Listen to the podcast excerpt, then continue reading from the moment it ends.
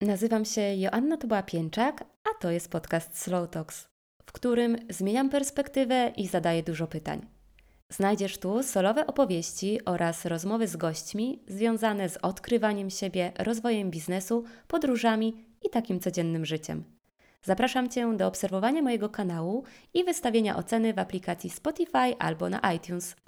A więcej treści ode mnie znajdziesz na portalu slowtalks.pl oraz na moim Instagramie joanna.tobola. I przypomnę jeszcze, że na slowtalks.pl z hasłem Wiosenne Przebudzenie otrzymasz 10% zniżki na interaktywne karty z pytaniami i wyzwaniami 111 podróży w głąb siebie oraz karty do rozmowy ze sobą i bliskimi. Uważam, że wraz z rozkwitaniem natury jest najlepszy czas, abyśmy im rozkwitali i w tym właśnie pomagają pytania i wyzwania. W opisie odcinka znajdziesz wszystkie niezbędne informacje.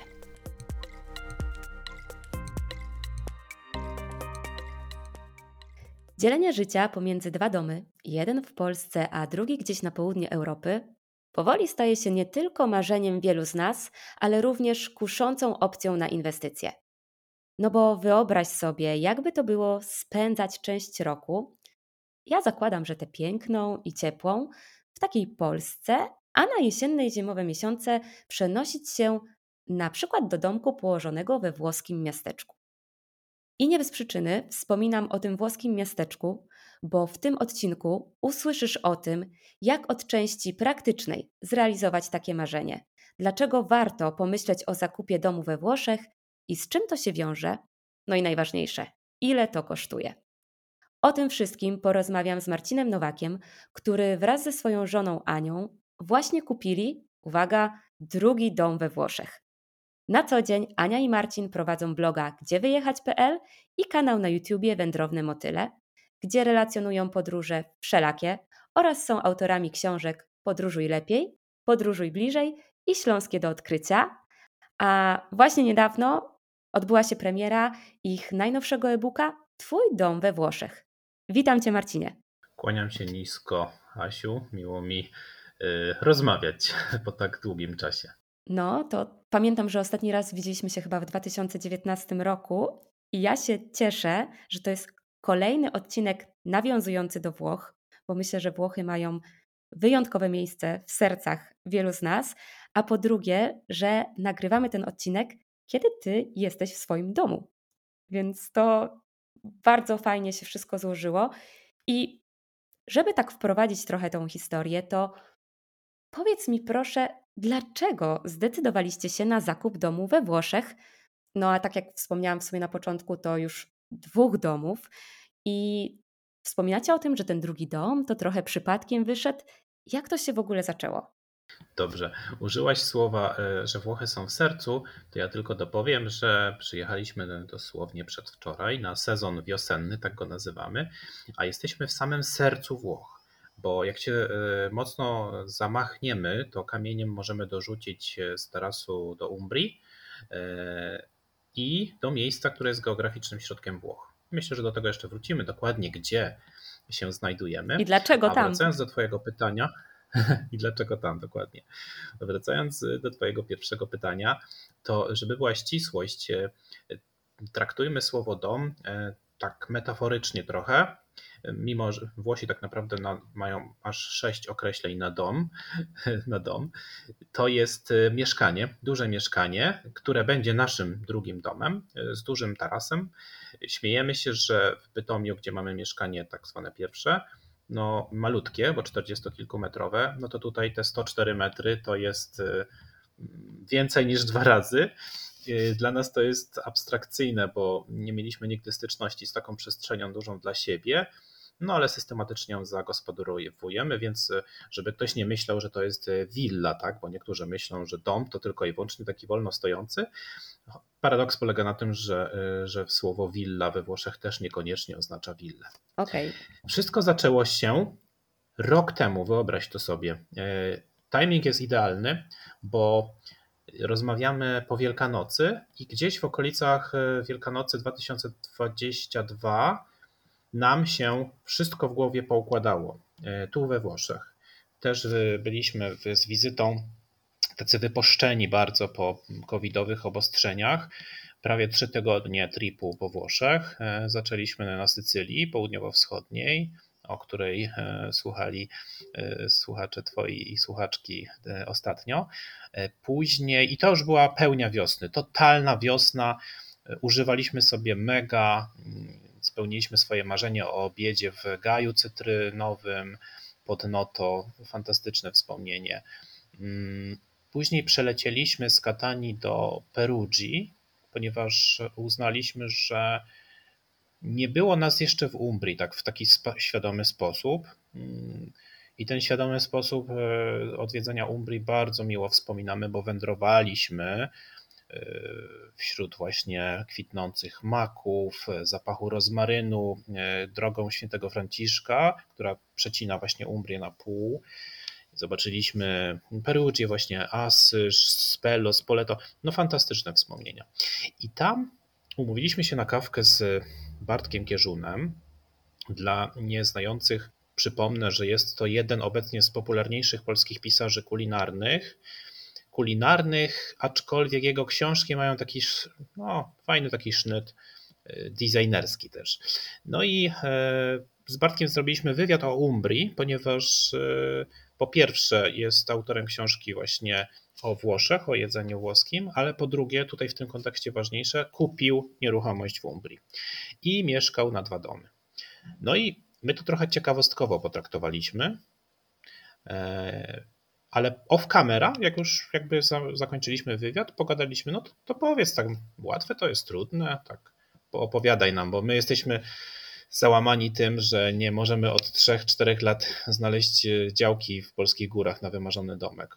No i Bartek mówi, słuchajcie, no to jest dla mnie zaskakujące, ale łatwo poszło. Wow. Wszystko łatwo poszło i od słowa do słowa jakby z, mm, dowiedzieliśmy się, no bo wcześniej dla nas to było coś abstrakcyjnego. Kochaliśmy Włochy, wielokrotnie do nich jeździliśmy.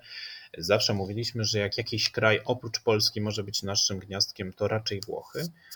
E, natomiast nigdy się nie przyjrzeliśmy tej, temu tematowi, bo coś innego było w naszych głowach. No i faktycznie wtedy zakiełkowało. Wtedy też e, na YouTubie trafiliśmy na filmy Pauliny Wojciechowskiej, agentki z Sycylii, która e, troszkę inaczej opowiada o tej sferze, tak bardziej mm, ciekawostkowo. I ta Paulina jeszcze się pojawi pewnie dzisiaj w rozmowie. I wyobraź sobie, że my jesteśmy tacy troszkę rozlaźli mhm. w wielu jakby decyzjach, procesach, a tu od spotkania z Bartkiem do kolejnego przyjazdu do Włoch, ale już w celach oglądania nieruchomości nie minął nawet miesiąc. Tak to szybko poszło. E, taki ciąg był i finalna e, decyzja oraz zakup się odbył w lipcu, czyli można powiedzieć, że w trzy lata nie udało nam się ogarnąć tematu domu w górach polskich, a w trzy miesiące udało się włoski dom. To też jest bardzo ciekawe, że mimo, że jakoś wiesz, Często jest tak, że ktoś o czymś marzy, fantazjuje, że sobie wyobraża od lat ten, załóżmy, włoski dom i dąży tak krokowo do tego wszystkiego, z różnych perspektyw się temu przyglądając, a ciekawe jest to, że no, to nie była wasza misja, to co powiedziałeś, że raczej celowaliście w działkę w tych górach, ale coś tam musiało jednak być was w środku, co być może wyzwoliła ta rozmowa z Bartkiem, że mm, przy tym jak ty to określiłeś rozlazłym, zachowawczość, e, mm, zbyt długi proces decyzyjny. Mhm. Przepraszam, że ci wszedłem w słowo, ale to wyjaśnię od razu, bo właśnie te nasze wyszukiwanie działek w polskich górach to, to był idealny przykład tej, tej rozlazłości.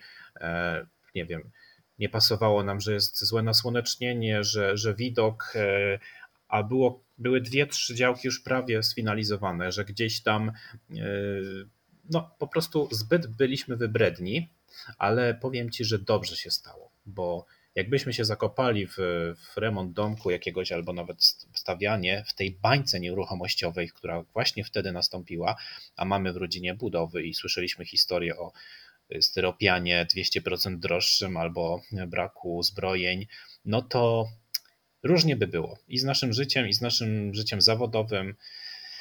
Także te drugie marzenie, które czekało w szufladce i wyskoczyło z nienacka y, jako pierwsze, wiedziało kiedy chyba wyskoczyć.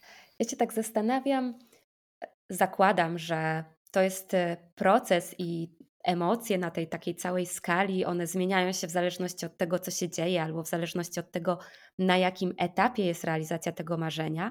Ale jak ja sobie tak fantazuję o tym, żeby mieć dom w Hiszpanii, bo tutaj gdzieś bardziej ta Hiszpania e, mnie przyciąga, no to od razu w mojej głowie stawiają przede mną takie obawy, myślę, że lęki, bo one nie są do końca tak uzasadnione, że mam się czego bać na pewno, ale wiesz, jak to wpłynie na moje życie zawodowe, jak będę musiała reorganizować mój styl życia, oczywiście tymczasowo, ale jednak jak bardzo będzie to obciążające dla mojego układu nerwowego, jak wiele stresu będzie z tym związanego.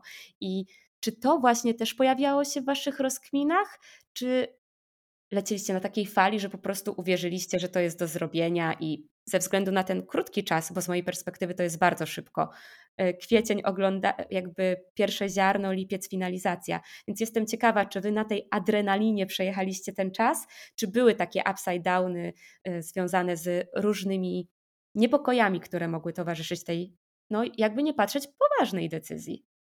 Sądzę, że na tej trasie mm, było kilka takich przystanków, y, E, że e, drzwi się mm, otwarły.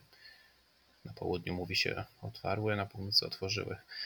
I nie chciały się zamknąć, że gdzieś tam był przeciąg, to, ale zazwyczaj to były kolizje finansowe, typu odcinek nota, z notariuszem, odcinek z zaliczką, odcinek z prowizją dla agencji, tak? O czym jeszcze będę chciał powiedzieć później, takie mega przygotowanie do tematu od strony siedzenia w Polsce w serwisach nieruchomościowych i świadome podejście do tej selekcji bardzo dużo pomaga. E, więc wracając do Polski pod koniec kwietnia, siedzieliśmy w serwisach nieruchomościowych Immobiliare IT, Idealista IT oczywiście oraz Kasa IT, ale te dwa najważniejsze pierwsze są. One są bardzo ciekawie zrobione jako też człowiek, który przez wiele lat pracował nad budową serwisów internetowych, architekturą informacji, muszę powiedzieć, że takie trochę lepsze niż nasze serwisy klasyczne. Mocno stawiają na content marketing, na artykuły poradnikowe, dużo więcej filtrów e, mamy w stosunku do nieruchomości, w związku z czym ten sposób odsiania na początku z 50, którymi się zainteresowaliśmy, do 30, finalnie do kilkunastu, no jest dość przydatny i mm, więc ten etap nie był taki mocno emocjonalny. Poza tym przyjechaliśmy, wyobraź sobie, na tą pierwszą wycieczkę nieruchomościową. Zamieszkaliśmy w hotelu w miasteczku, e, nie tym finalnie, w którym mieszkamy, innym, ale takim z dobrą bazą wypadową, bez samochodu. Przyjechaliśmy pociągiem. Jeden agent nas odebrał na stacji kolejowej, e, porozwoził nas po lokacjach, oddał nas na inną stację kolejową, potem pojechaliśmy do innego agenta, inny agent oddał nas swojemu koledze, więc oni wszyscy służyli pomocą. Oczywiście nie potrafimy mówić po włosku, wtedy nie potrafiliśmy mówić po włosku, więc y, wybieraliśmy tych, którzy potrafią po angielsku. Y, w przypadku Ani też y, przydał się hiszpański, bo okazało się, że dwójka mówiła po hiszpańsku. Więc jakoś tam na tym etapie Fajnie to wyglądało, przyjemnie, wszyscy uśmiechnięci, czego oczywiście się mm, e, spodziewaliśmy. Natomiast e, ta szarość pojawiła się wtedy, kiedy widzieliśmy na przykład, jakie łazienki mają włoskie mieszkania, włoskie domy. Tak? To jest wielka bomba, trzeba uważać na łazienki. One są zazwyczaj ciemne, e, wilgotne, niedoświetlone i akurat mieszkanie, które trafiło się nam, ma bardzo jasną łazienkę. Śmiejemy, śmiejemy się, że jak można sobie zorganizować posiedzenie w tej łazience, to między 11 a 14 y, siedzi się w słońcu, bo tak, y, tak, się, tak przez duże okno świeci słońce. Y, no i ogrzewanie. Ogrzewanie, mm, a właściwie jego brak też uruchomił nam pewną lampkę. O ogrzewaniu jeszcze potem powiem w kontekście tych właśnie wyborów lokalizacji we Włoszech. Natomiast do, dobijając do brzegu mm, Twojego pytania, najbardziej stresowały nas te rzeczy typu przelew do, do notariusza, typu yy, negocjacje cenowe, no wszystko co związane z finansami, bo to jest takie najbardziej, wydaje mi się, stresogenne. No i jeszcze transakcja odbywa się pomiędzy no, bank w Polsce, bank we Włoszech. Ja słyszałam historię odnośnie Hiszpanii, że właśnie może zdarzyć się tak, że po prostu transakcja ze względu na kwotę transakcji może zostać przyblokowana po jednej albo drugiej stronie.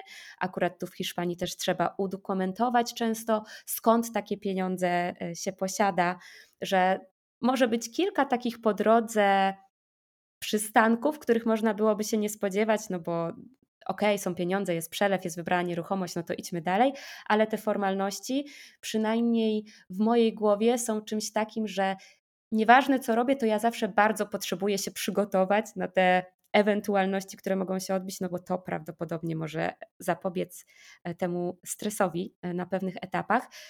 I ja tak sobie myślę, bo już tak właśnie wspominasz o, o tych wyborach i ziarno zostało zasiane, i skupmy się teraz na tym procesie szukania. I jak sobie dyskutowaliśmy o tym, jak ten odcinek może wyglądać i jaką tutaj wartość też możemy przekazać w kontekście tych moich treści, to ty super zwróciłeś uwagę, że fajnie byłoby powiedzieć o uważności w kontekście podejmowania decyzji o tych rzeczach, które są ważne, czyli na przykład lokalizacja, czyli tak jak powiedziałeś, ta łazienka. I jestem ciekawa, w jaki sposób właśnie wyszukaliście, na co zwracaliście uwagę, jak zawężaliście te wasze wybory i jak właśnie w tym pomagała ta uważność? Zacznijmy tak jakby obuchem w twarz y, od najmniej uważnego elementu uważności, czyli od pieniędzy, ale szybko zaraz przejdziemy do konkretów. Myśmy oczywiście sobie postawili górną granicę, tak? Tą górną granicą było gdzieś tam 60-70 tysięcy euro. Mm, e, to jest po pierwsze. I i to już zawęża nam jakiś obszar poszukiwania w Italii, we Włoszech. Dlatego, że nie łudźmy się, jest duży, duży kontrast cenowy pomiędzy północą a południem, co jest pewnie oczywiste. W Hiszpanii pewnie wygląda to podobnie, na przykład w ujęciu niektórych rejonów Andaluzji, bo nie mówię o tych nadmorskich. To w ogóle jest cały pas nadmorski, zarówno nad Morzem Tereńskim, Morzem Jońskim, Adriatyckim, on jest trochę poza skalą, tak? My nie możemy tutaj tego zeskalować, więc to wychodzi spoza naszej dyskusji. Też powiem dlaczego, Powiedz. albo już powiem. Po prostu to jest prestiż dla Włocha, żeby mieć drugi dom nad morzem. 20 e, km od morza, o to już jest o, bez sensu, więc nad morzem tak. E, a kiedy Włochy miały ten swój złoty boom gospodarczy, to było wręcz e, w dobrym tonie mieć e, drugi dom nad morzem, ale to też podbiło właśnie mm, bardzo mocno ceny e, tego pasa morskiego. Ale paradoks polega na tym, że jak ktoś dobrze wyszuka na przykład miasteczko 10 km od morza, to jest już dwa razy tańsze. Więc odpadła północ. Ale odpadła też z różnych pragmatycznych względów, e, dlatego że my od początku zerkaliśmy na środek Włoch jakby duża część naszej rodziny często jeździła do Toskanii e, i, i Emilii Romani. E, mój wujek też był z, jakby biznesowo związany z, z tymi rejonami, znamy je. I e, jednocześnie też wiedzieliśmy, że Toskania nie jest na naszą kieszeń, dlatego że Toskania jest marką w samą sobie. Sama nazwa Toskania podbija mocno ceny, chociaż powiem od razu niektórym słuchaczkom i słuchaczom, że są niektóre rejony Toskanii, na przykład północ w okolicach Barga albo wschód w okolicach Arezzo, gdzie ceny są zbliżone do tych e, w naszej prowincji, troszkę niższe niż w Toskanii tej właściwej. Ale zobaczyliśmy taki region, e, on się nazywa Tuscia. Myśmy przez pierwsze tygodnie ludzie nam na Instagramie zwracali uwagę, że źle wymawiamy, bo kto by się spodziewał, e, że trzeba mówić Tuszja, pisze się Tuscia. Nazwa pochodzi od Etrusz, Etruszci, czyli e, krainy, z której zamieszkiwali Etruskowie jeszcze przed Rzymianami. Jest bezpośrednią e, spadkobierczynią krainy Etrusków. I to jest powiat, nie powiat, prowincja Viterbo na północy regionu Lazio. Latium, czyli tego stołecznego, e, około stołecznego regionu, takie nasze Mazowsze, prawda? Wyłączając Warszawę, czy tu wyłączając Rzym, to wszystko wokół. I to jest region, który ma podobne problemy e, co Mazowsze, e, czyli mocno drenuje siłę ludzką, mocno drenuje miejsca pracy, no wszyscy ciągną do Rzymu, w związku z czym miasteczka się trochę wyludniają, albo nawet bardzo, Y, bezrobocie jest nieco wyższe, mimo że nie mówimy o południu Włoch, tylko o środku, y, bo sama prowincja Latium nie jest jakąś tanią prowincją.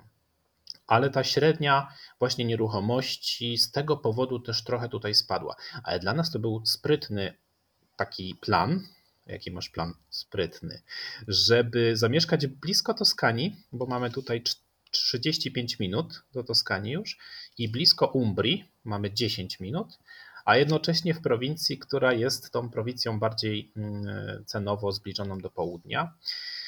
I tu rzeczywiście, podobnie jak w południowej Umbrii, zaczęliśmy te wyszukiwania. I ta selekcja, o której powiedziałem, dotyczyła właśnie głównie wschodniej Toskanii, południowej Umbrii i północnego Lacjum.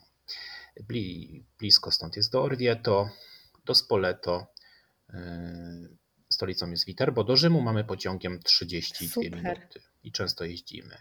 Tak, robimy taki eksperyment, na razie nam nie wyszedł, ale niebawem wyjdzie, że wychodzimy z klatki swojej i chcemy w godzinę dotrzeć do Koloseum, pod Koloseum. I jesteśmy już blisko, kiedyś przy dobrym jakby zrządzeniu przesiadki z pociągu na metro udało się w godzinę i 6 minut, także niebawem osiągniemy to. A Rzym jako nasze ulubione miasto, chociaż Ania zawsze prosi, żeby zwrócić uwagę na to, że jednak u niej ten drugi Rzym, czyli Konstantynopol, obecnie Stambuł oczywiście. E, no ale to tak, ta dwójka jest niezmienna. I ta selekcja tych kilkunastu y, dotyczyła właśnie tych miasteczek tutaj na północ od Rzymu. Zresztą nasz profil na Facebooku i na Instagramie dedykowany tej historii nazywa się Na północ od Rzymu. I finalnie e, no, wyszło na Orte, czyli e, miasteczko pięciotysięczne, nie za duże, nie za małe. Wszystko w nim jest, co jest potrzebne, ale nie jest dużym miastem. Bardzo dobrze skomunikowane kolejowo. To był dla nas bardzo ważny priorytet. Polecam od razu. Wyciągam z e-booka różne ciekawostki dla słuchaczek i słuchaczy. To zostawię na przykład taki e, serwis e, Chrono Trails, e, Trends, przepraszam, który pokazuje różne miejsca, nie tylko we Włoszech, z dostępem kolejowym i gdzie można dojechać z tych miejsc, dokąd można dojechać do godziny, do dwóch godzin, do trzech godzin. I my mamy, tak jak powiedziałem, pół godziny do Rzymu, e, godzinkę z hakiem do Perucci. Jeśli wsiądziemy w Frecciarossa, to jest taki bardzo szybki pociąg, 350 km jedzie na godzinę, to mamy we Florencji, jesteśmy w godzinkę. Mm, I w drugą stronę do Viterbo, do naszej stolicy też 20 minut. Także serce Włoch, e, geograficzne, komunikacyjne. I to wszystko dla nas było bardzo ważne, bo ktoś powie: Ojeju, ale do morza macie 50 minut. No co to? Nie jest to dla nas priorytet, nie był, może. Dla nas priorytetem było, abyśmy mogli przynajmniej przez kilka najbliższych lat w świetle naszych planów i projektów związanych e, z odcinkami na kanał, z, z książkami, z jakimiś artykułami, mieć wszędzie blisko, no i wygodnie, tak we Włoszech, nawet bez samochodu. No brzmi to jak wspaniała baza wypadowa właśnie do realizacji tych waszych planów. I tak jak powiedziałeś o tych priorytetach, ja pamiętam jak e, zdecydowaliśmy się z moim mężem na zakup mieszkania w Warszawie i no, mieliśmy też jakiś ustanowiony budżet, więc e, nie mogliśmy sobie popłynąć z spełnianiem w tym momencie wszystkich fantazji, które chcielibyśmy, żeby to mieszkanie nam załatwiło. Ale ja pamiętam, że ja też lubię tak wszystko sobie spisać, zobaczyć to, że my wypisaliśmy po prostu mm, takie e, wszystkie rzeczy, które chcielibyśmy mieć i e, po prostu przydzielaliśmy im gwiazdki, co jest ważne, bez czego nie wyobrażamy sobie funkcjonowania, a co będzie takim no po prostu nice to have'em, że kurczę, jeżeli udałoby się jeszcze to, to byłoby super. I to nam bardzo pomogło w procesie decyzyjnym, bo po prostu wiedzieliśmy na przykład, że balkon musi być obowiązkowo, że no nie wyobrażamy sobie, żeby tego balkonu nie było. Od razu mogliśmy eliminować te mieszkania, które może miały inne zalety, ale no jednak balkonu nie było. A z drugiej strony wysokie okna na całą wysokość ściany, no to fantastycznie, żeby to było, ale na przykład nie interesowały nas obrzeża miasta, tylko bardziej chcieliśmy być w centrum. Tak jak Ty wspomniałeś o tych priorytetach, super jest się na pewno przyjrzeć swoim indywidualnym, niekoniecznie kierować się innymi, no bo w Waszym przypadku to może wcale nie było tak istotne z tymi ograniczeniami, które mieliście narzucone. Więc e, fajnie, że że o tym wspomniałeś. A co z pogodą? Bo wiesz, to jest zawsze taki temat bardzo, e, bardzo interesujący wiele osób. Czy to dla Was też był jakiś wyznacznik? Czy Wy też e, decyzję uzależnialiście od tego, od tych warunków pogodowych, albo właśnie tam wcześniej wspominałeś e, o ogrzewaniu? Tak. Zdecydowanie tak. I ta północ Włoch też, to jest taki paradoks, jest droższa, ale nie gwarantuje w ogóle ciepła to trzeba przyznać, że czasami e, zima jest na północy po prostu długa. Natomiast na południu głębokim typu Sycylia, Kalabria, Apulia, e, część Bazylikaty i część Kampanii, ta wczesna bardzo wiosna też jest kusząca i tam akurat te ceny nieruchomości e, są w porów, powiem tak, porównywalne do naszych tutejszych, tam 50, 60, 70, można wyhaczyć e, na przykład nad morzem coś, można, albo z widokiem nad morze. To akurat na południu jest możliwe. I żeby była jasność, nie mówimy o domach za 1 euro, które są mityczne, za którymi kryje się wiele tajemnic. W ogóle nie ma sensu tego tematu poruszać, ponieważ jak mówiłaś o tych pułapkach mm, mm, związanych z psychiką ludzką, to one są właśnie obciążające, bo tam trzeba dużo pieniędzy włożyć w remont, e, no dużo się zaangażować. Mówimy o nieruchomościach w dobrym stanie. My na przykład nie robimy remontu. Nie robiliśmy. Robimy tylko odświeżenie. Pomalowaliśmy ściany, teraz trwa odświeżenie łazienki, powiedzmy taki mini remont, bo, bo dużo rzeczy w niej zostaje. I to było dla nas bardzo ważne. Pogoda. Więc na tym południu ta pogoda jest prawie gwarantowana, chociaż też niektórzy by się zdziwili, że i na Sycylii, i na Kalabrii potrafi być czasami chłodno. W, w sycylijskich lwach, takiej powieści bardzo ciekawej o historii rodziny Fiori, jest napisane, jak potrafi wyglądać fatalnie zima sycylijska. Natomiast my jesteśmy w środku, czyli kiedy zawieje tramontana z północy lub północnego wschodu, czyli z Apeninów, które jak przyjechaliśmy tutaj w lutym, żeby przetestować włoską zimę w samym środku, to były całe ośnieżone, calusieńkie. Mhm. E, więc jak zawiała ta tramontana z nad tych zimnych e, gór, to potrafiła temperatura spaść do kilku stopni. E, ale było bardzo słonecznie. Luty w Lacjum jest bardzo słoneczny, dlatego że masy wilgotnego powietrza, które przechodzą z nad dobrze znanej ci Barcelony i okolicy tam Pirenejów, przeskakują sobie przez Morze Śródziemne i teoretycznie powinny wpaść do Włoch. Ale nie wpadają, bo po drodze jest Korsyka i Sardynia. One się rozbijają o te dwie wyspy, w związku z czym ten środek zimy e, w środkowych Włoszech jest suchy, czyli słoneczny. I faktycznie przez 15 dni testowania lutego znaczy końca stycznia, początku lutego tutaj, wszystkie dni były słoneczne. Wszystkie. To było niesamowite. Więc nawet jak było chłodnawo czy rzeźko, to wychodziliśmy na słońce i się grzaliśmy. Natomiast nocą niestety grzaliśmy, e, dogrzewaliśmy kaloryferami i teraz kłania się to pewnie do czego pijesz. Nie ma szans, nie ma w ogóle takiej możliwości, aby we Włoszech e, mieć ciepły, ciepłe gniazdko bez ogrzewania w tym sezonie zimowym. No owszem, my w Polsce mówimy o sezonie e, grzewczym bardzo często od września już do powiedzmy maja. Tutaj ten sezon no, jest wielokrotnie krótszy. W naszym przypadku jest to od końca listopada do, do nie wiem kiedy, bo jak teraz przyjechaliśmy, to już nie grzejemy, więc może do marca. Wiem, początku marca, końca lutego, coś takiego. Jeśli już. I problemem w południowych krajach jest wilgoć, która się wdziera do tych mm, nieizolowanych często budynków.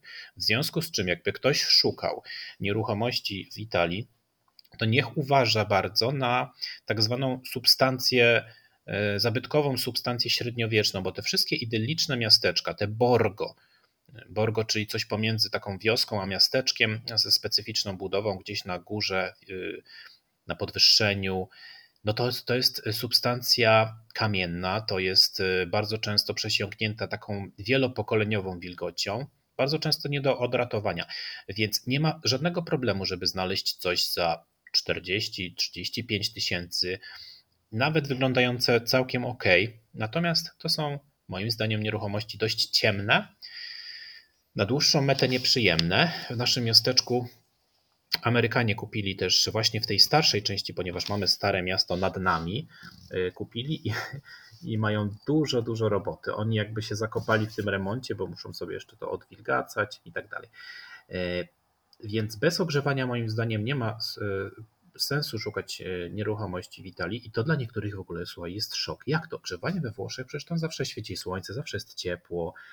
Nie, te warunki klimatyczne akurat z punktu widzenia mojego wykształcenia bardzo pomogły, te zagłębienie się w te analizy właśnie klimatyczne, bardzo szczegółowe, o czym też y, piszemy w, w e-booku, e, nasłonecznienie, ilość dni pochmurnych, słonecznych, y, kierunki wiatrów, mm, geofizyka nawet, tak? Bo ktoś złośliwy na TikToku najczęściej jak padały złośliwości, bo jedna z, e, jeden z filmików tam miał bardzo dużo zainteresowania, to jak myślisz, jakie były najczęściej takie złośliwo-krytyczne, kąśliwe uwagi na temat zakupu nieruchomości we Włoszech? Hmm. A to tak podpowiedzią jest to, że mówimy o tej pogodzie? Troszkę, akurat nie. Coś groźniejszego niż zimno. Wiesz co, nie. Ja, ja, nie chcę, ja nie chcę strzelać, bo mnie komentarze na TikToku po prostu paraliżują, więc chyba nawet bym nie zgadła. Tak, trzeba mieć strasznie grubą skórę, e, więc na pewno, że będzie trzęsienie ziemi i nam e, budynek o. się zniszczy. E, a druga rzecz to ciekawe, jak znajdziemy pracę na miejscu. A Czyli tak, ten tak, drugi tak, akurat to jest takie oderwanie, oderwanie od rzeczywistości. Natomiast to pierwsze ma oczywiście trochę realnego uzasadnienia i też, żeby być uczciwym, tłumaczymy o zonach e, we Włoszech. Jest ich, są cztery, ale jest dużo subzon. E, my jesteśmy w, w takiej zonie, co dla nas było bardzo ważne, która ma nis, niskie, jakby niski indeks potencjalnego e, zagrożenia sejsmicznego. Natomiast jak sobie spojrzymy na mapę Włoch i zobaczymy te pasmo Apeninów po środku, które naprawdę wiele zmienia, bo zmienia pogodę, i właśnie warunki geofizyczne, to na ogół jest tak, że wzdłuż tych Apeninów, to jest wschodnia Umbria, to jest y, część Emilii Romani, to jest y, duża część Abruzji górskiej, duża część Lazio górskiego, duża część Kampanii górskiej, Bazylikaty i bardzo duża część y, Kalabrii. To są rejony sejsmiczne, gdzie faktycznie te ceny nieruchomości bardzo niskie mają mm, uzasadnienie z tego powodu, że no, wchodzi się w miejsce, gdzie może dojść do czegoś takiego jak w Amatricze kiedyś. E, nasze rejony nie. Nie mówię, że to jest indeks zerowy całkowicie, ale no, celowo sprawdziliśmy, jak to jest, więc trzeba wziąć to pod uwagę. Tak? Ta, ta znajomość geografii Włoch bardzo się przydaje na tym etapie wyboru, e, bo Włochy Włochom nierówne i pogodowo jest to różnie. Trzeba wiedzieć, że listopad na przykład jest bardzo deszczowy, w wielu miejscach we Włoszech, e, że zima na ogół jest, e, może być wilgotnawa, tak. E, no, nasz region jest dość słoneczny, ale ten, ta średnia ilość dni słonecznych, którą też opracowaliśmy, zebraliśmy te dane, też jest nieco zaskakująca, bo na przykład duża część Kalabrii, która nie jest już odsłonięta przez żadne wyspy od wiatrów i mas powietrza ze wschodu, jest bardzo pochmurna. Y, średniorocznie, tak byśmy to powiedzieli. A Apulia wręcz przeciwnie, jest bardzo słoneczna, mimo że troszkę chłodniejsza, tak? bo trochę wiatrów z Bałkanów tam dochodzi. Notabene Apulia jest teraz modna. To jest niesamowite, co ty mówisz, że i super, że to wybrzmiewa, i super też, że to się wiąże z Twoim wykształceniem, bo to tak wszystko się ze sobą łączy, dlatego że kurczę, tak na pierwszy rzut oka to sobie myślę, oglądanie mieszkania.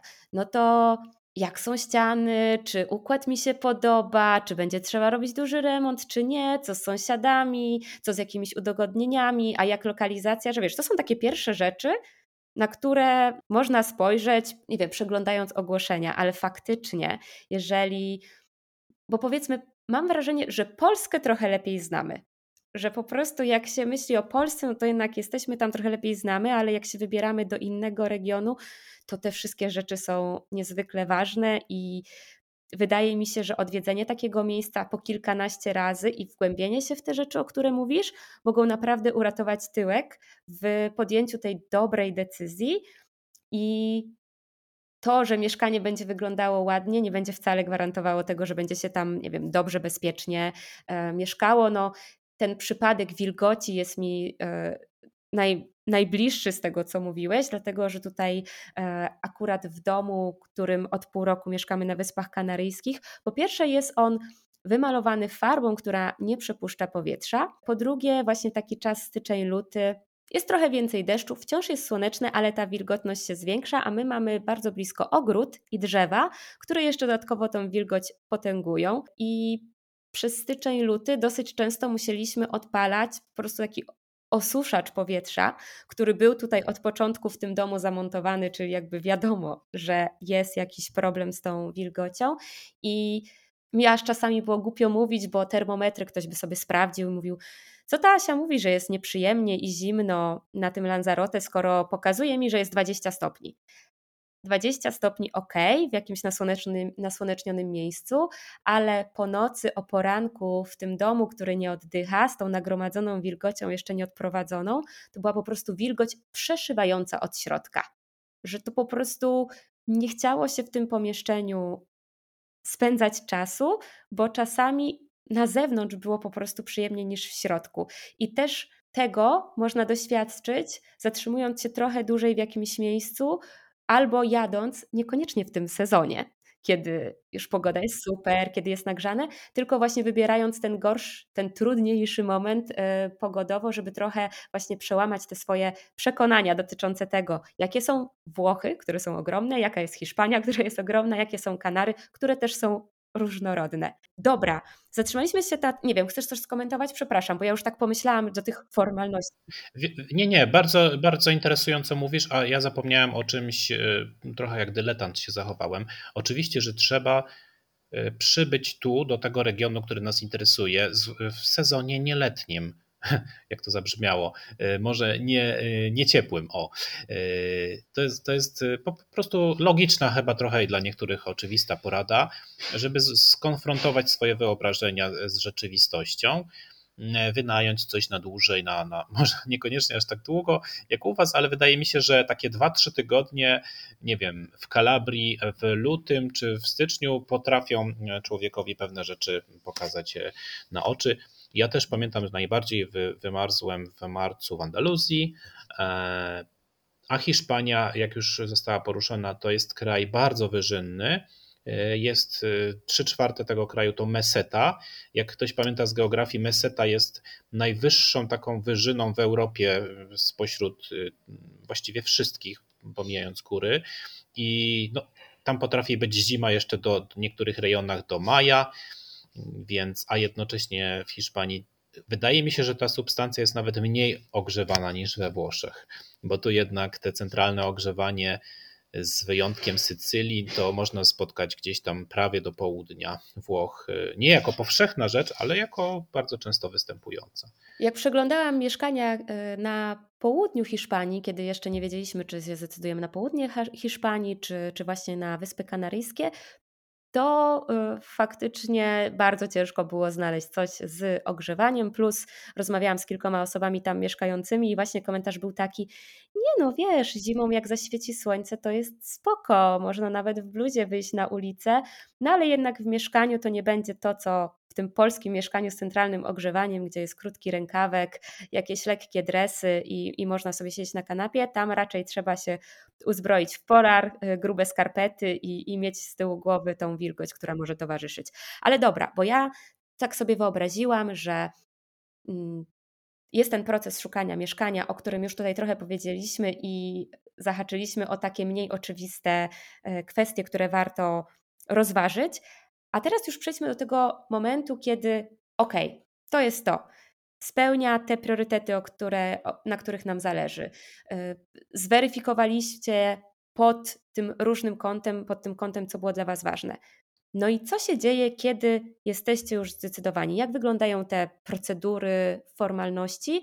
I tak, żebym ci potem w trakcie nie przerywała, to jakbyś mógł tą rozmowę pokierować w takim kierunku, co na przykład było takie proste i że dobrze wspominasz, czy wspominacie, a co może nie do końca poszło po waszej myśli, o ile coś takiego się wydarzyło.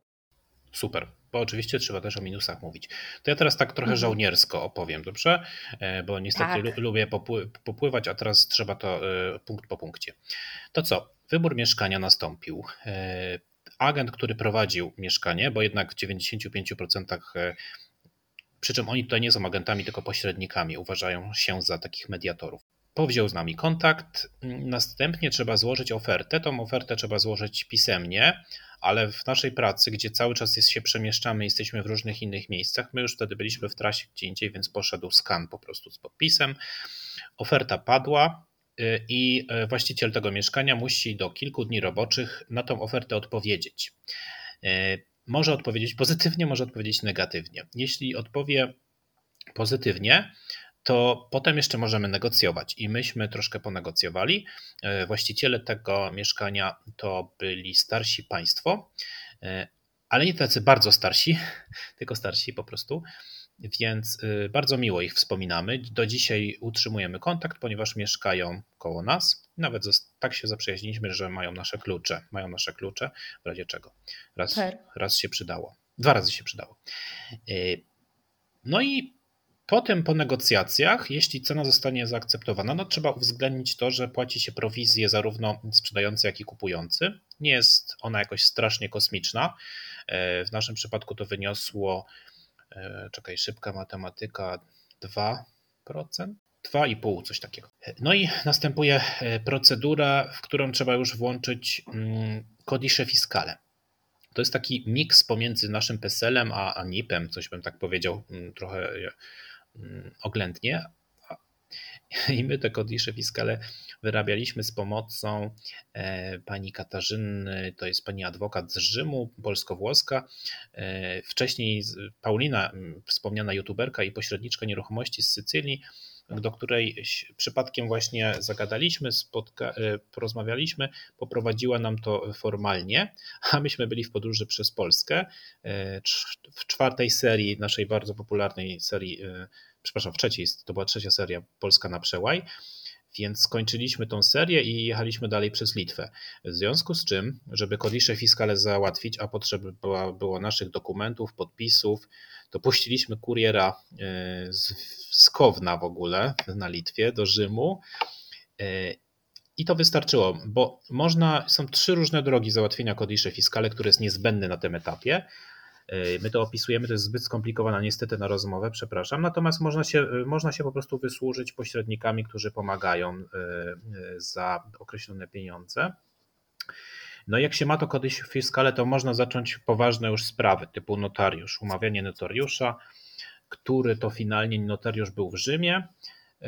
Mogliśmy wybrać Viterbo, czyli w stolicy naszego powiatu, to jest miasto takie prawie 100 tysięczne, ale w Rzymie był większy wybór, więc e, wstępnie zaczęliśmy mniej więcej myśleć o lipcu, bo absolutnie nie spodziewajcie się, że cokolwiek załatwicie we Włoszech pomiędzy 15 lipca a 15 września ktoś, ktoś mówi, ale jak to? Przecież sierpień jest tym wyłączonym y, miesiącem we Włoszech. Jasne, ale oni już pod koniec lipca nie myślą o obowiązkach, więc nie ma szans tego załatwić. Y, więc ważne było, żeby to miało ręce i nogi, żeby to było w lipcu. No i faktycznie y, potem pieniądze, przelew w ten sposób zorganizowaliśmy, że notariusz ma, pełni instytucję też gwarancji, że te, te środki można do niego dać, on je jakby przytrzymuje i przekazuje potem państwu czy właścicielom, co dla nas było też dość e, no, wygodne, bo instytucja notariusza we Włoszech jest bardzo, bardzo ważna, prestiżowa. E, on też ma na celu sprawdzić dużo rzeczy związanych z księgami wieczystymi.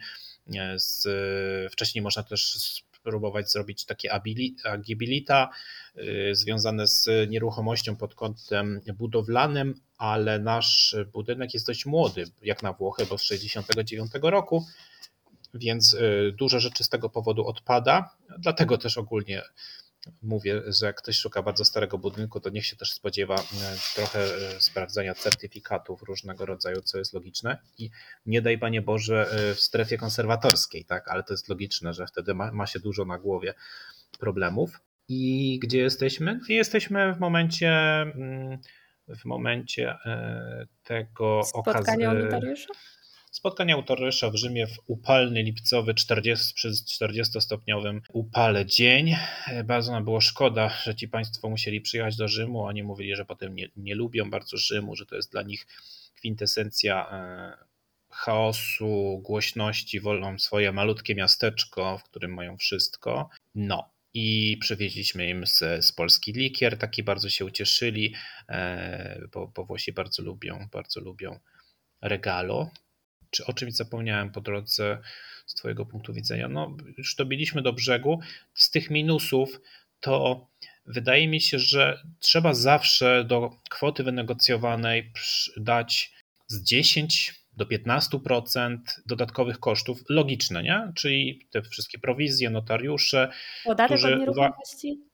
Zaraz powiem o tym podatku. Okay. E, e, cena notariusza oczywiście na Sycylii czy w Kalabrii będzie zupełnie różna niż w Turynie i Mediolanie, no ale my jesteśmy tym takim środkowym pułapem pod każdym względem, również cenowym.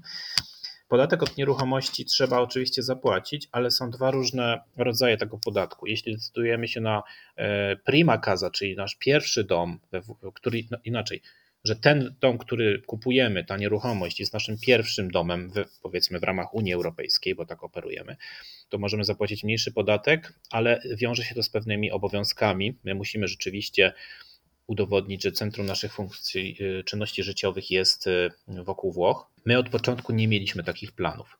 To przy okazji od razu wyjdzie, tak? My, my się nie przeprowadzamy do Włoch. My się nie wyprowadzamy z Polski.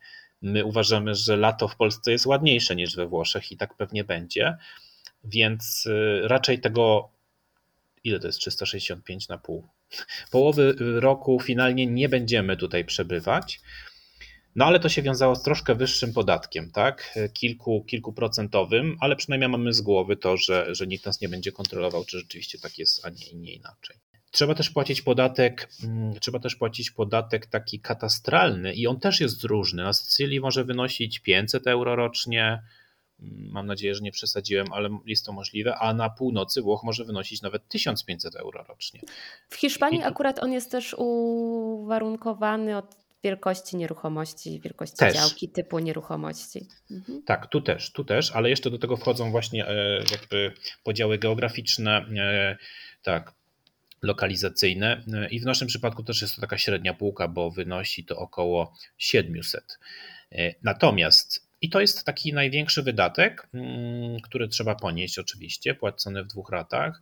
Dużym wydatkiem też jest cena prądu i gazu, które są wyższe znacznie niż w Polsce, to trzeba od razu powiedzieć. Więc jeśli my się tutaj dogrzewamy, a dogrzewamy się centralnym ogrzewaniem z pieca gazowego, które świetnie działa, ale jest drogie, więc te pierwsze rachunki za prąd i gaz yy, bo to można bardzo łatwo wynegocjować. O tym też piszemy w e-booku, że we Włoszech rynek jest uwolniony. Możemy sobie przez jakiś czas mieć firmę A, potem jak się nam znudzi, po dwóch, trzech miesiącach przejść na B płynnie, potem z firmy B, zależy jaka będzie promocja. Więc no 1200-1300 zł za prąd i gaz, to w porównaniu z naszym mieszkankiem w Bytomiu jest y, czterokrotnie więcej, tak? Natomiast y, no, na przykład my w Polsce płacimy coś takiego jak czynsz do, spółdziel- do spółdzielni. Tak? Mhm. Płacimy czynsz do spółdzielni też niewielki jak na inne sytuacje, bo, bo chyba jeszcze się cały czas mieścimy w 500 zł za wszystko. Natomiast tutaj nie ma czynszu. Tutaj się płaci kondominio 20 euro miesięcznie za jakieś takie wspólne części, wspólne opłaty, mycie klatek, światła, obejście, e, więc to duży koszt odpada takiego czegoś ala czynsz. Nie ma, nie ma czegoś tego we Włoszech. Cena za wodę jest w naszej akurat gminie tańsza niż e, w Bytomiu. Cena za wywóz śmieci też jest nieco tańsza niż w Bytomiu, ale to raczej wynika z tego, że, że w Polsce poszło mocno do góry. Niedawno dowiedzieliśmy się, że jak tutaj nie przebywamy, to mamy to zgłosić i nie płacimy za wywózkę śmieci, co jest logiczne. Co jest logiczne, tylko człowiek tak jakby pod latarnią najciemniej ale największym szokiem jest, że dowiedzieliśmy się ostatnio, że w Polsce działa to tak samo. Jak nie jesteśmy u nas, to też mamy do naszej e, wspólnoty zgłaszać i nie płacimy za czas, w którym nas tam nie ma, więc to jest fajne. Więc zarówno prąd i gaz, jak i śmieci to się nam wyrównuje, że nie dublujemy mm, wydatków. I y, mamy mieszkanie przewiewne, to było bardzo ważne, na dwie strony świata, więc y, tutaj mm, duży potencjał do mm, jakby przewiewania mamy ogródek nam przynależy, nie, nieduży co prawda, ale przynależy nam kilkumetrowy ogródek, w którym zamierzamy posadzić drzewka cytrynowe i zioła i duża, duża piwnica. Duża piwnica okazała się wielką niespodzianką. Z minusów miasteczko okazało się głośniejsze niż nam się wydawało, dlatego że Włosi mają cztery, nie dwa, tak jak u nas w Polsce, cztery traffic time, nie? Czyli rano, kiedy jadą do pracy oraz kiedy z tej pracy wracają na siestę i potem, kiedy ze siesty jadą na drugą część pracy i wracają do domu. Oznacza to, że cztery razy w ciągu dnia, a mieszkamy y, na skraju, co prawda, z pięknym widokiem na Zieloną Dolinę, ale z drugiej strony jest ruchliwa ulica. I te ape włoskie to są takie mopliki. U nas po śląsku się mówi moplik, y, czyli takie motorynki z, y, z przyczepionymi do tych z tyłu pakami, na których wszystko można zawieść. One są przeraźliwie głośne.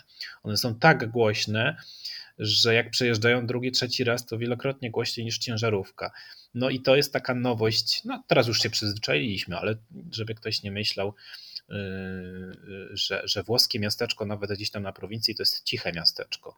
W dużej mierze tak, ale, ale niekoniecznie. I jeszcze jeden minus, jakiś znajdźmy szybko.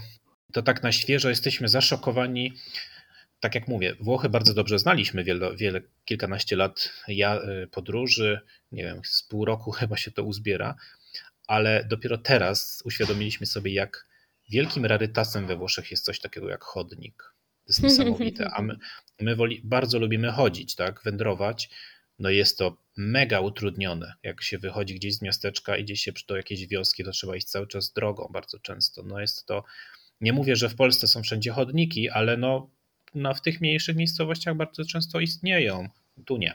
A jakbyś tak to wszystko zebrał i chciał się oczywiście tą informacją podzielić, to te koszty, y, podatki, prowizje plus zakup mieszkania, ile to Was kosztowało? Nie, nie wliczam tutaj podróży czy tego etapu poszukiwania, no bo on też na pewno y, kosztował, ale już taka finalizacja tego, mieszkania. Od początku chcieliśmy się zmieścić z wszystkim w 70 tysiącach i powiem tak oględnie, że się zmieściliśmy.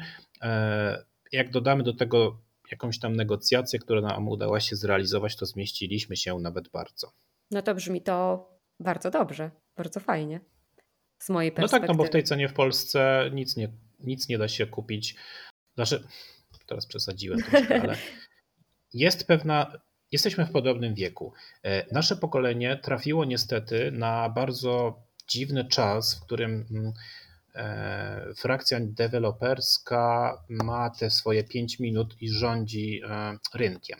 W związku z czym te, są te ceny moim zdaniem nieadekwatne w Polsce do, do wartości, no ale taki jest rynek, trzeba to zaakceptować. Więc ceny mieszkań w Krakowie, w Warszawie, we Wrocławiu, od niedawna też w Katowicach no, bardzo wywindowały. Jeśli ktoś chce mieszkać w mieście, no to wiadomo, że dla niego nie jest to żadnym porównaniem jakaś włoska prowincja, ale to nie jest zapyziała, tak? Wszystko mamy.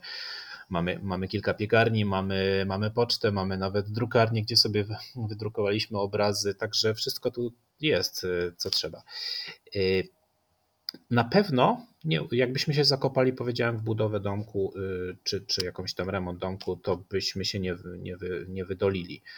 Mm, dla niektórych jest szokujące, że można we Włoszech kupić rzeczy nawet za 40 i 50 tysięcy sensowne, bo przecież nie trzeba aż tak dużego mieszkania.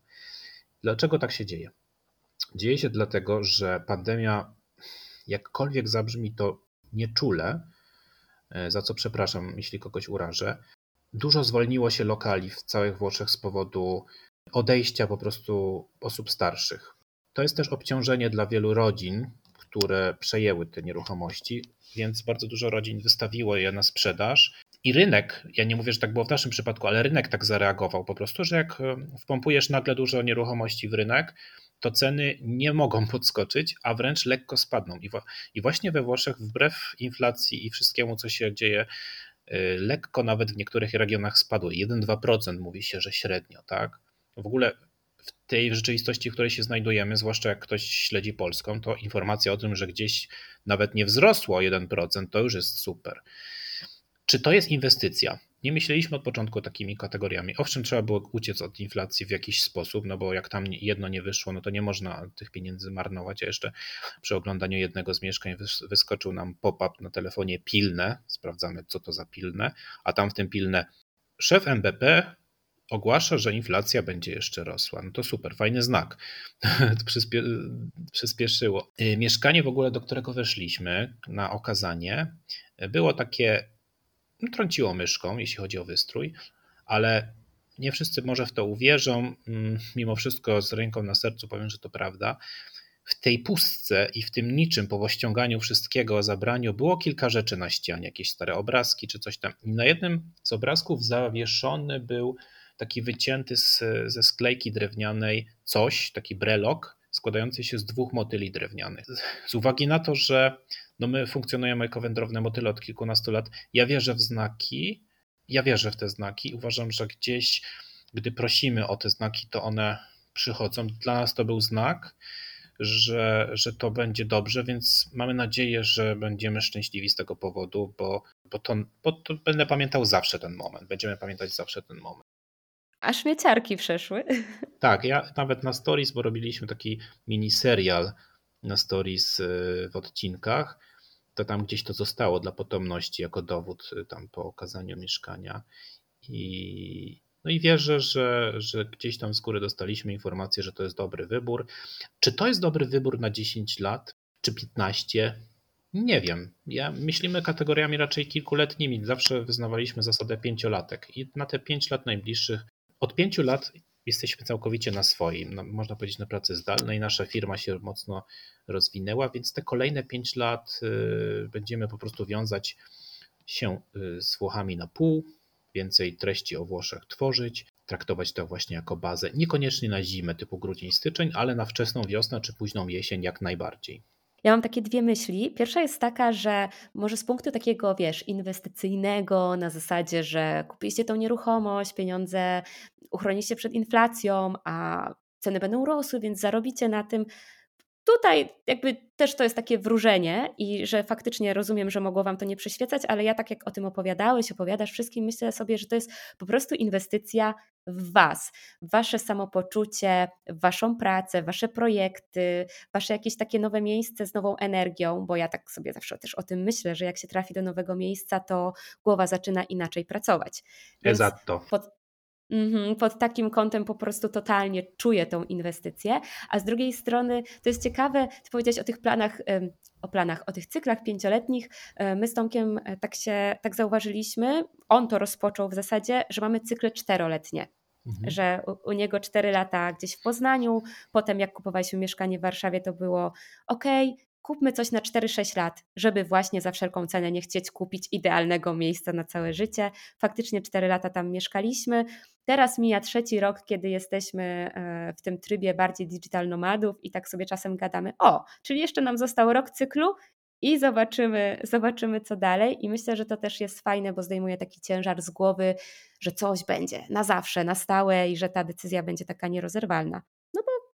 W zasadzie każdą decyzję da się rozerwać w jakiś sposób. Widzę, że chcesz coś skomentować. Te 4-5 lat y, to jest bardzo ciekawy mm, okres. Wczoraj prowadziłem wywiad y, z Tomkiem Rożkiem. On jest autorem kanału Nauka to Lubię. To jest mój kolega ze szkoły, to sobie pogadaliśmy też trochę.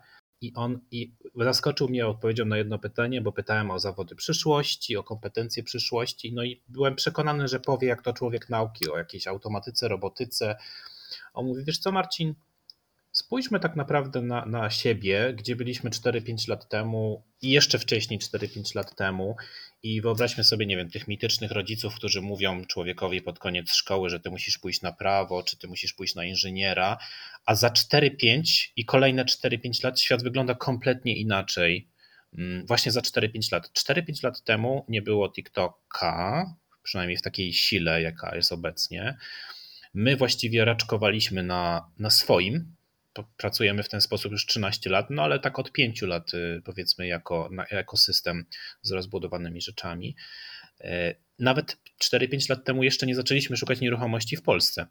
Także te takie planowanie życia, co będzie za 10-15 lat, coraz bardziej jest nam obce.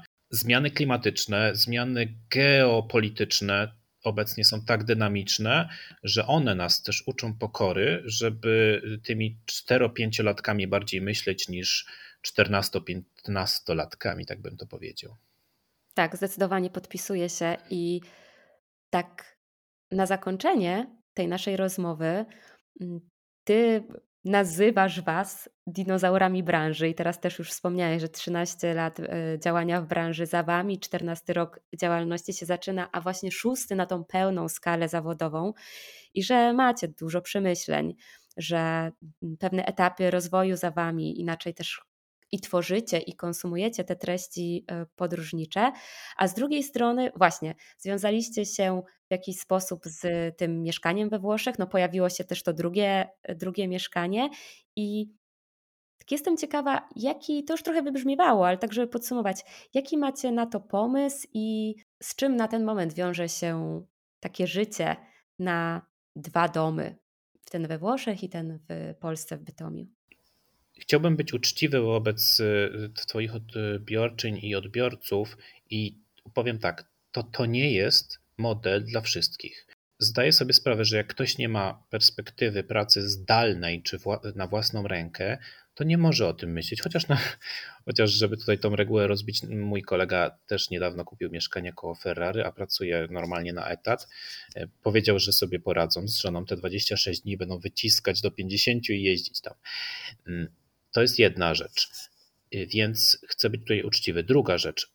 Dużo osób y, ma duże obciążenia finansowe w Polsce. Mówię o jakichś, nie wiem, wysokich kredytach. To też jest y, niestety rykoszet tego rynku deweloperów czy, czy banków. Też bym nie radził w takiej sytuacji na coś takiego iść, no bo dla mnie osobiście obciążenia takie finansowe y, stałe to jest najgorsze obciążenie psychiczne.